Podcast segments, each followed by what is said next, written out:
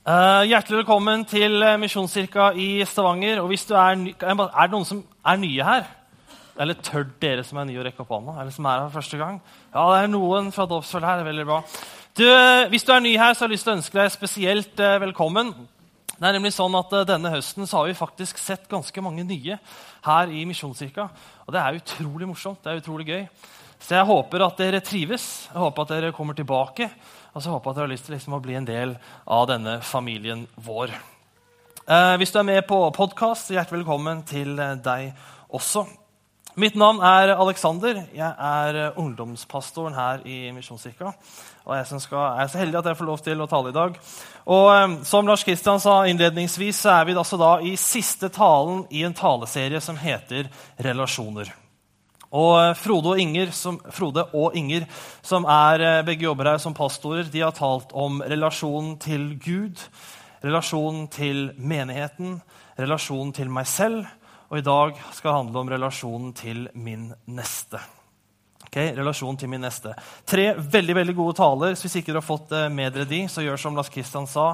Klikk dere inn på podkasten på hjemmesiden vår og hør på de. Um, vi skal begynne Eller begynne og begynne, men eh, jeg skal si en ting først, og så skal vi begynne. Um, jeg har valgt ut to bibelsteder hvor Jesus snakker om neste. Uh, han bruker litt mer tid på enn det, men jeg valgte ut liksom to av de uh, hovedbibelstedene hvor han snakker om neste. Uh, for det gir liksom to forskjellige perspektiv på hva dette med neste egentlig er. Eh, så Vi skal ta en liten spørreundersøkelse. Dette innebærer at jeg må rekke opp hendene hvis dere syns det er ubehagelig. eller vet ikke helt hva dere skal gjøre. Så bare se på sidemannen, og så gjør dere som han eller hun gjør. Hvis ikke er fornøyd med den ene, så ser du bare på den andre. ok? Så det første spørsmålet er har dere noen gang hørt om dette med neste før? enten her i kirka eller en annen plass? Hvem har hørt om dette med neste før? Det er ganske mange. er veldig bra. Spørsmål to. Vet dere hva en neste er, eller hvem din neste er? Cirka. Ja, nesten like mange. Det er veldig bra. Da er det kirkekaffe, liksom. Det. Uh, nei da. Men nå skal vi ha et eksperiment. Ok? Og Jeg vil at dere skal se dere litt rundt. Og, se, og så vil jeg at dere skal se om dere klarer å finne en neste her inne. Kanskje finne flere. Men jeg skal telle til tre, og så vil jeg at dere skal peke direkte på en av deres nester her inne i rommet. ok? Jeg vet det er slemt å peke, og det er ikke greit at det er, men akkurat nå så er det lov. ok? Så dere, Se dere om. sant? Finn en neste hvis dere finner en. Ikke sant? Hvis dere er usikre, så gjør som sidemannen. Så teller, jeg, jeg teller til tre, og så vil jeg at dere skal peke tydelig. Ikke sånn der, eh, men sånn Det er deg, liksom. sant? Ok, Er dere klare? Én, to, tre. Få se. Det er veldig bra. Det er mye spennende peking her. Kjempe. Det ser ut som at alle peker ja, dere kan ta den hendene er veldig bra, dere klarte det fint. Det ser ut som at alle sammen peker på noen, og de fleste har blitt pekt på. Det første perspektivet om dette med neste som vi skal snakke om, det er nemlig den personen som ingen av dere pekte på. Ah, nå ble dere nysgjerrige, sant?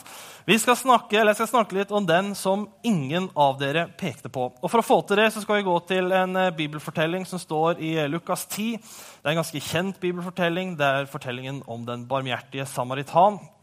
Og det er Jesus som forteller denne fortellingen. Det skal etter hvert få noen stikkord opp uh, på skjermen. bakgrunnen for at Jesus, eller Grunnen til at Jesus forteller denne historien om den barmhjertige samaritan, er at det er en lovkyndig. Altså, loven det var altså da på en måte en del av jødenes bibel, som var masse forskrifter og lover og påbud og, og anbefalinger og sånt, som jødene skulle følge. Og en lovkyndig var en som hadde liksom skikkelig god greie på det greiene her. da. Og Han kommer opp til Jesus, og han skal utfordre han. Han har lyst til å prøve å ta han på noe. Han har lyst til å få Jesus til å si et eller annet som er galt, et eller annet som er feil, så at de kan arrestere Jesus for vranglære, som da hadde en dødsdom. Okay? Så han her har lyst, han er ute etter Jesus. Eh, så han lovkyndige begynner å prate med Jesus, og litt ute i samtalen så stiller han Jesus et spørsmål. Og så sier han, 'Hvem er min neste?' Det er liksom den lovkyndige spørsmål. Hvem er min neste? Og da forteller Jesus denne historien. En mann var på vei til Jerusalem, ned til Jeriko. Da falt han i hendene på røvere. De rev klærne av ham, skamslo ham og lot ham ligge der halvdød. Det er settingen. Det er en skamslått mann som ligger på en ganske øde vei, som visstnok var farlig pga. røvere. Nå traff det seg slik at en prest kom samme vei. En prest er eh, ikke helt det samme som, som man kanskje tenker prest eh, i dag. En jødisk prest var en som tjenestegjorde i eh, tempelet i Jerusalem. Og Han var på en måte mellommannen. Det var mange prester, altså, men de var altså mellommennene mellom Gud og mennesker. For det var sånn at På den tiden så at hvis mennesker gjorde dumme ting, noe de gjorde også da, Um, så bærte de fram offer til Gud for å liksom rette opp i det. Sant? Ok, Jeg sant, slo noen, eller jeg banna eller jeg løy, eller et eller annet. Sant? Her har du en, en, en geit. ikke sant? Og så er, så er, liksom vi Alt er greit. ikke sant? Og det var altså presten som tok dette offeret og førte dette fram til alteret for Herren. Så presten dette liksom skal være en god mann, en som har god peiling på Gud. Han kommer forbi, men ser han, går utenom og går videre. Det samme gjorde en levitt. I de religiøse hierarkiet så er liksom levitten et lite hakk under presten. Han er på en måte en slags kirketjener, og han som sto vakt ved porten. De var gjerne de som var med og sang salmene i tempelet. Levitten kommer forbi. Han så mannen, og så går han videre. Men en samaritan som var på reise, kom også dit hvor mannen lå. Og Da han fikk se ham, fikk han inderlig medfølelse med ham. Han gikk bort til ham, helte olje og vin på sårene hans og forbandt dem. En samaritan var i utgangspunktet en som jødene var i fiendskap med. Samaritanerne det er et eget uh, folkeslag. De bodde liksom ikke så langt fra Israel. Um, og De hadde et fiendskap for Israel. altså Jødene så på samaritanerne som urene. For at de dyrka noen andre guder. De trodde liksom ikke på hele Bibelen. og, og litt sånn. Uh, jødene hadde gått i krig mot samaritanerne før. De hadde brent ned tempelet deres. liksom. Det var ganske anspent forhold mellom jødene og samaritanerne. Denne samaritaneren kommer altså forbi og hjelper, eller ser den skamslåtte jødiske mannen, får inderlig medfølelse med han og hjelper han. Men han stopper ikke der. Så løftet han mannen opp på eselet sitt og tok ham med til et herberge og pleiet ham. Neste morgen tok han fram to denarer, det er ca. to dagslønner, ga dem til verten og sa, 'Sørg godt for ham, og må du legge ut mer, så skal jeg betale deg når jeg kommer tilbake.' Det denne samaritanen gjorde, det var at han gikk above and beyond. Det er engelsk, beklager. Men uh, above and beyond er et utrolig flott uttrykk som dessverre ikke lar seg liksom oversette skikkelig godt til norsk. Men det betyr at det samaritanen gjorde, var at han gikk, eller det han gjorde var over all forventning. Og han gikk mye lenger enn det som egentlig var nødvendig. Altså, Hvis samaritanen hadde stoppet etter at han hadde liksom helt vin og olje på sårene og forbandt dem, hvis han liksom hadde sagt ok, nå har jeg hjulpet deg, så hadde de fleste sannsynligvis trodd at han samaritanen var en ok type. Og så hadde liksom ikke vært noen, Han hadde ikke gjort noe galt da. liksom. Hadde vært en fantastisk fyr. Men det han gjør, er at han tar ham med til et trygt sted. Så gir han noen andre penger, sier liksom, gjør alt det du kan for denne mannen. Og hvis det koster noe mer, så si ifra, så skal jeg gjøre opp etterpå. Samaritanen gikk above and beyond. Min forståelse av denne fortellingen liksom når jeg har lest den sjøl eller hørt den fortalt, eh, så har jeg alltid tenkt på det spørsmålet 'Hvem er min neste?' Og svaret har jo alltid vært jo, det er jo den skamslåtte mannen. ikke sant? Det er jo min neste. Det er jo han, han som ligger der i veikanten og, og, og, på en måte er døden nær. Det er min neste.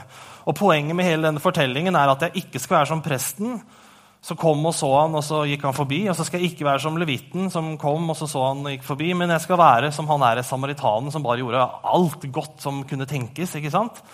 Det er poenget med fortellingen. At jeg skal finne i mitt liv så skal jeg finne de som er skamslåtte, jeg skal finne de som er nedtrykte, jeg skal finne de som er, har det tøft, har det vanskelig, de som sliter, de som ikke har det noe godt. Og så skal jeg hjelpe de. Det er liksom poenget med denne fortellingen. Men eh, Jesus han, eh, han sier noe etter denne fortellingen her som på en måte ja, er ikke helt det som jeg forventer. da. For poenget til Jesus er ikke egentlig hvem de neste er. Det Jesus sier, er vel egentlig at eh, han her er lovkyndige karen som spør hvem er min neste, så sier egentlig Jesus til ham du stiller helt feil spørsmål. Dette er Jesus sitt svar etter fortellingen. Han sier, 'Hvem av disse tre altså prest, levit, samaritan, syns du nå viste seg som en neste for ham som ble overfalt av røverne? Den lovkyndige mannen svarte, den som viste barmhjertighet mot ham. Og da sa Jesus, gå du og gjør som han. Altså Det Jesus sier, er ikke, ikke, ikke se utover. Ikke prøv å liksom, liksom, ha fokus på alle de der ute som har det kjipt. alle de der ute som har det vondt. Ikke prøv å liksom, eh, få min neste til å handle, liksom, til å dreie seg om liksom, Det er én gruppe mennesker som måte sliter med sånn og sånn, og så har de vanskelig med det og det, og så liksom, har de ikke sånn. Liksom, og det er min neste, liksom. Men det Jesus sier, er at se innover. da. Se på deg selv. For det er du som er det neste. Hvordan er det du er i møte med andre mennesker? Hvordan er det du møter mennesker som har det vanskelig? Hvordan er det du er når du møter mennesker som har det tøft? Hvordan er det du møter de menneskene som er rundt deg? Hvordan er det du møter de menneskene som du treffer tilfeldig? Er du en neste? Gå og vær som han som viste seg som en neste for den skamslåtte mannen. Det er det første perspektivet til Jesus på dette med neste. Vær en neste. Henger du med? Ja, det er ikke verst. Det er veldig bra, faktisk. Det, det um, andre perspektivet til Jesus på dette med neste skal vi bla litt uh, bakover i, i min bibel. i hvert fall, um, Til Matteus 22. Og um, Igjen så er det altså en uh, lovkyndig mann som skal utfordre Jesus, prøver å ta ham på et eller annet, setter ham på prøve. Um, og så spør han um, så spør han, mester, altså Jesus, til Jesus, hvilket bud er det største i loven. Og Jesus svarer, du skal elske Herren din Gud av hele ditt hjerte og av hele din sjel og all din forstand. Dette er det første og største bud. Og så kommer det som dere får på skjermen. Men det andre er like stort. Du skal elske din neste som deg selv. På disse to budene hviler hele loven og profetene. Altså, du skal elske din neste som deg selv. I forrige uke så holdt Frode en glimrende tale synes jeg, om, å, om, min relasjon til meg selv. eller vår relasjon til oss selv. Der brukte han akkurat dette verset. Du skal elske din neste som deg selv. Eh, han hadde mest fokus på det å elske som meg selv. Altså, elsk din neste som du elsker deg selv. Han hadde liksom fokus på den ja, der blir det for dere. Siste delen av verset. Eh, hvis dere er litt nysgjerrige på hva, akkurat hva det er, for noe, så hør på talen til Frode på podkast. Eh, for jeg skal snakke mest om det å elske sin neste. Um, jeg har gjort litt research, og jeg er alltid veldig stolt når jeg har gjort litt research. så liksom, ja, Hvis dere har lyst til å gi meg en god kommentar etterpå, så er det sånn ah, Bra research, Alex. Um, dette er litt sånn der, eh, kan godt hende dette er litt sånn uinteressant, men fordi det er jeg som står her, og ikke du, så har jeg lov til å bruke tid på dette. Altså, Gammeltestamentet, første delen av Bibelen, er skrevet stort sett på hebraisk, er et veldig gammelt språk. Um, og der er det ordet som oversettes til neste. Det er mange ord, da, men ett av de som brukes mest, det er rea. Eller rea, eller ja, sånn på hebraisk. Um, og rea det beskriver en person som du er i nær relasjon til. Ok? En person du er i nær relasjon til. Altså Mamma og pappa eller søsken eller venner. eller Nå har jeg masse svigerfamilie, f.eks. Um, ehm, kanskje du kan strekke det til å bety menighet. Litt sånn utvidet uh, åndelig familie. Um, på liksom det, det videste i Det gamle testamentet så brukes det om hele det jødiske folk. Det er liksom så, så bredt som neste begrepet favner. Okay? En neste i Det gamle testamentet er aldri mer enn hele det jødiske folk. Nytestamentet, andre halvdelen av Bibelen, der hvor Matteus og Lukas og alt det som vi har lest nå kommer fra, er skrevet stort sett på gresk. Og Det ordet som brukes som neste, er plesion. Sant? Bra research. Og plesion, plesion Sånn som Jesus bruker ordet plesion, neste Du skal elske din neste. Det betyr ethvert menneske som du omgås til vanlig, ethvert menneske som du treffer tilfeldig, uavhengig av nasjonalitet, uavhengig av etnisitet, uavhengig av kjønn, uavhengig av seksualitet, uavhengig av alder, av utseende, uavhengig av sosioøkonomisk bakgrunn, uavhengig av alt.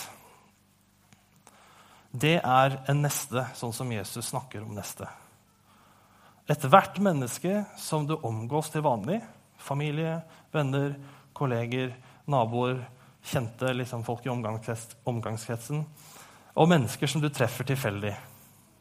Han merkelige karen på busstoppet. ikke sant? Eller hun snakkesalige dama på, på, på toget. Eller liksom den derre du bare traff noen i køen på Kiwi. Uavhengig om de er kristne, eller om de er muslimer, eller om de er ateister, eller om de ikke vet hva de er. Eller om de er fra Norge, eller fra Syria, eller fra Afghanistan, eller fra USA eller fra Sverige. Og om de er menn eller kvinner, om de er to år eller om de er hundre. om de...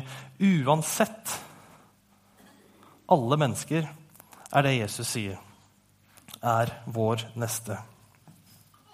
Så vi har altså på en måte Jesus sine to perspektiver på neste. Det er På den ene siden så har vi at Jesus sier 'vær en neste'.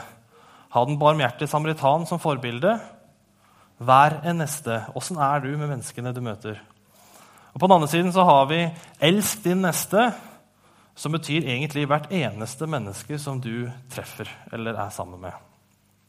Og Setter vi disse to sammen, så får vi altså da en neste som elsker sin neste. En neste, Det blir veldig mye neste her. altså jeg jeg håper dere henger med.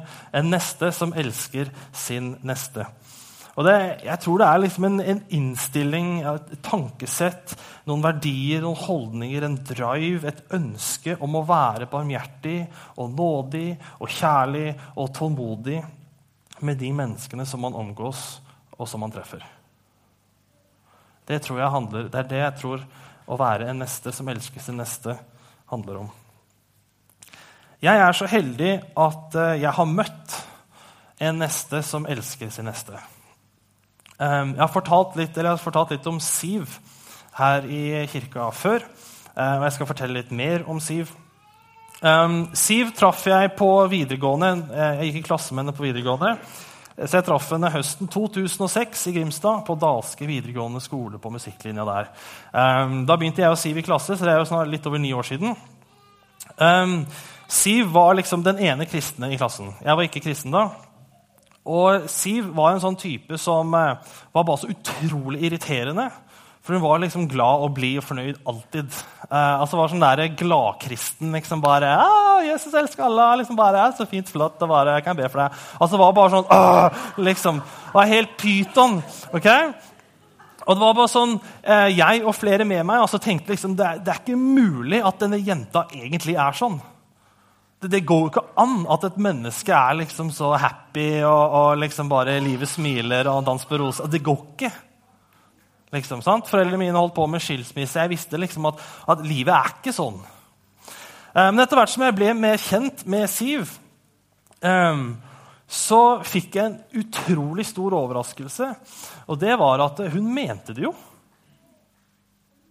Hun var sånn.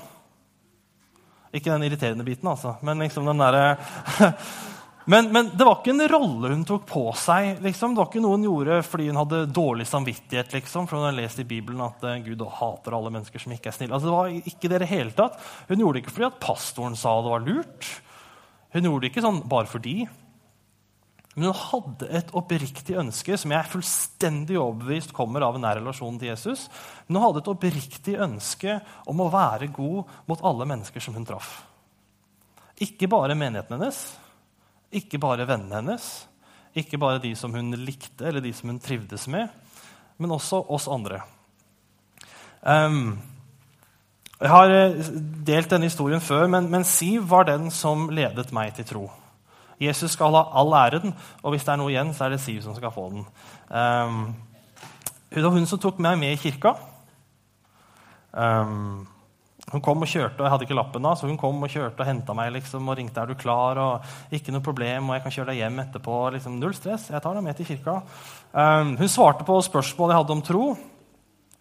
Hun uh, diskuterte med meg. Hun ba for meg.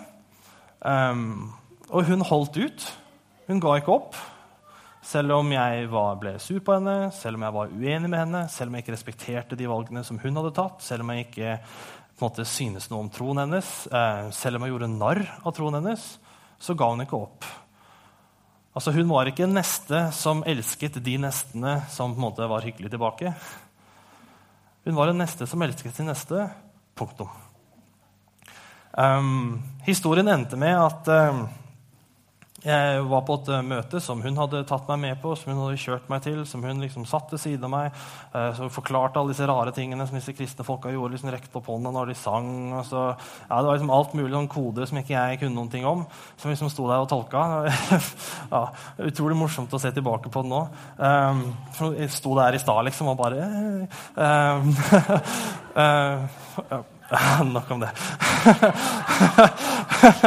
ja, ikke se der når jeg skal tale neste gang. eller greie. Um, men um, den, det var den kvelden jeg bestemte meg for å begynne å tro på Jesus. Og der Siv var der. Og hun ba for meg. Og jeg visste ikke hva som skjedde. Jeg grein og jeg smilte og jeg lo. Liksom, jeg var helt sånn, hva skjer? Uh, og hun var der. Og et, liksom, dagen etterpå så sendte hun melding liksom, og sa sånn, du, åssen går det? Måte, utrolig kult at du begynte å tro på Jesus. liksom. Åssen går det med deg? Um, hun var en neste som elsket sin neste. Grunnen til at jeg, altså, det at jeg er ansatt her i Misjonskirka, at jeg gifta meg med Helene, som er liksom verdens beste dame um, det er ikke, sier ikke bare det for at svigerfamilien min sitter liksom på tre rader her. da. Um, jeg mener det virkelig. liksom, uh, Det at jeg har det godt med meg selv og jeg står her og sier jeg har det faktisk godt med meg selv. Jeg har ikke alltid hatt det, men jeg har det godt med meg selv. Eh, det at jeg har en mening med mitt liv, det at jeg vet hva det dreier seg om, og det at jeg en gang skal til himmelen Så sagt så skal Jesus ha all æren, og hvis det er noe igjen, så er det Siv som skal ha den. For hun var en neste som elsket meg, selv om jeg ikke gjorde det tilbake. Jesus Siv er bra, men Jesus hun, Han. Hun. Oi sann. Ops. Han er den ultimate nesten.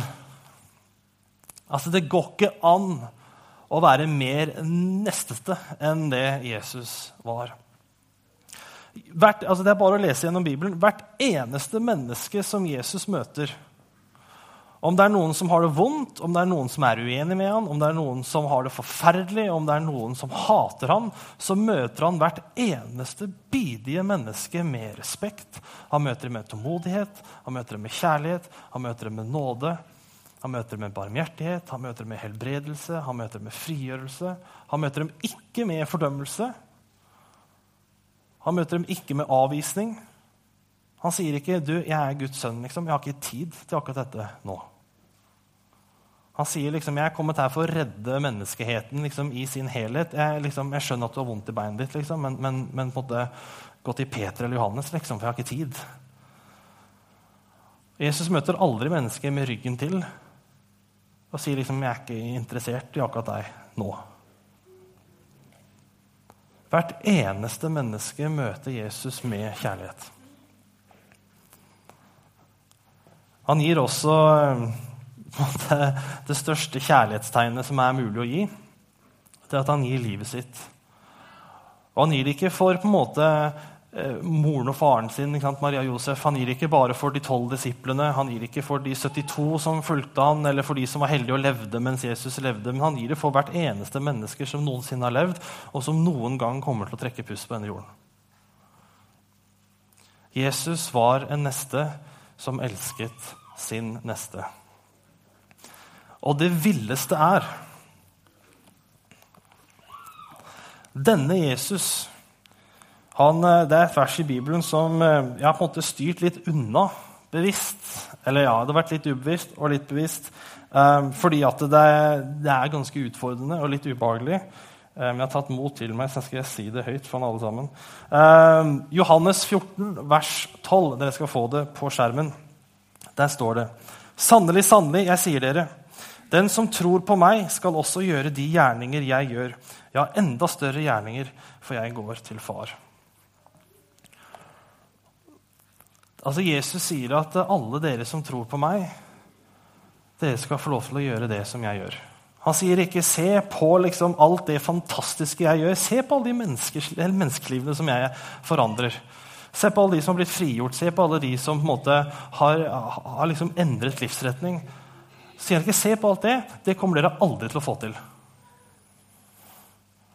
Eller dette her, dette her skjer nå, og framover i tidene, i tusen årene som kommer, så kommer det aldri til å skje igjen. Det er ikke det Jesus sier i det hele tatt. Men han sier hvis dere tror på meg, så skal dere få lov til å gjøre disse tingene og enda mer. Og nå er det helt sikkert noen av dere som tenker dette får ikke jeg til. Dette klarer jeg ikke. Eller dette kan jeg ikke noe om. Dette har jeg ikke tid til.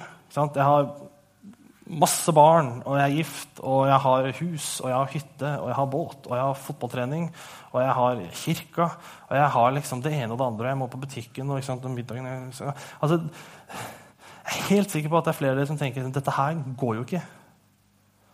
Dette er klin umulig. Og til deg så har jeg lyst til å si nettopp. Det er helt sant. Det får du ikke til. Men Jesus sier ikke 'se på alt det flotte jeg gjorde'. Det må du også gjøre. Han sier 'se på alt det fantastiske jeg gjorde'. Hvis du tror på meg Hvis du tror på meg, så skal jeg gi deg styrke. Og hvis du følger meg, så skal jeg vise deg veien. Og hvis du stoler på meg, så skal jeg ikke skuffe deg. Han sier ikke 'klar det sjøl'. Han sier ikke på en måte, Nå må du velge vekk familie, liksom. Han sier ikke 'nå kan du ikke ha venner', det har du ikke tid til. Han sier ikke 'du kan aldri se på en fotballkamp igjen', for det går ikke. Heldigvis. Han sier ikke 'du kan aldri dra på hytta igjen'. Han sier ikke 'du må la være å ha det kjekt', å ha det gøy, å ha det bra, å ha det godt, og nyte livet som vi har fått som gave. Men han sier 'tro på meg', og så skal dere også få lov til å være nester som elsker sin neste. Um, jeg og Helene, eh, kona mi altså, vi har hatt Som ikke sitter her lenger. Um, hun har gått ut med nevøen vår. Ja, det er veldig koselig. Uh, men jeg og Helene vi har hatt uh, to helt fantastiske uker de to siste ukene. Det har skjedd noen ting som har vært utfordrende, uh, men vi har hatt to helt vanvittig gode uker. Vi har vært gift nå i litt over et år. Um, vi har vært sammen i litt over seks og et halvt år. Og jeg tror ikke vi har hatt det bedre enn det vi har hatt det de to siste ukene. Um, jeg tror aldri jeg har vært en bedre ektemann enn det jeg har vært de to siste ukene. Og jeg har ikke opplevd Helene som en bedre kone. Um, og Wow! Vi venta? men Eh, jeg og Helene har virkelig opplevd at i forhold til hverandre i fall, så har vi vært neste som har elsket sin neste. Og når jeg ser tilbake på det, så har jeg liksom lurt på liksom, hvorfor i all verden. da? Som, hva er som liksom, eh, hva er det vi, liksom, vi, må, vi, må, huske på eller gripe tak i, sånn at ikke dette her bare blir liksom, de to ukene den gang da? liksom. Høsten 2015 den var bra. ikke sant? Så sitter vi om ti år og så driver vi fortsatt og snakker om de to ukene ikke sant? i 2015 som var så bra. Og når jeg ser tilbake på det, så er, eller, så er jeg fortsatt midt i det da, men de to siste ukene så har jeg og Helene aldri vært nærmere Jesus. Seks og et halvt år, og vi har aldri vært så nærme Jesus som det vi er nå.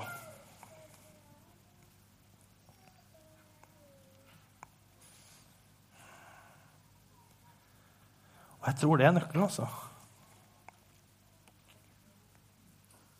Jeg tror ikke det er noe sånn derre når vi trekker pusten, liksom, og bretter opp armene og liksom få til alt sjøl. Um, jeg tror ikke det er liksom Gud som står der med liksom pekefingeren og bare nåde deg, liksom, som ikke er kjekk eller snill og god og grei med alle de som du møter. Men jeg tror han sier liksom du, bare følg meg. Bare, bare, bare bli med meg. liksom. Tro på meg, så skal jeg fikse dette gjennom dere skal dere få lov til å være neste som elsker deres neste. Dere skal få lov til å være folk som Siv, da. Som kan være med å endre folks liv radikalt. liksom. Dere skal få lov til å være med å forandre verden. Dere skal få lov til å gjøre Misjonskirka til et bedre sted. Dere skal få lov til å gjøre Stavanger til en bedre by å bo i. Det er en flott by å bo i, og det kan bli så uendelig mye bedre for så mange.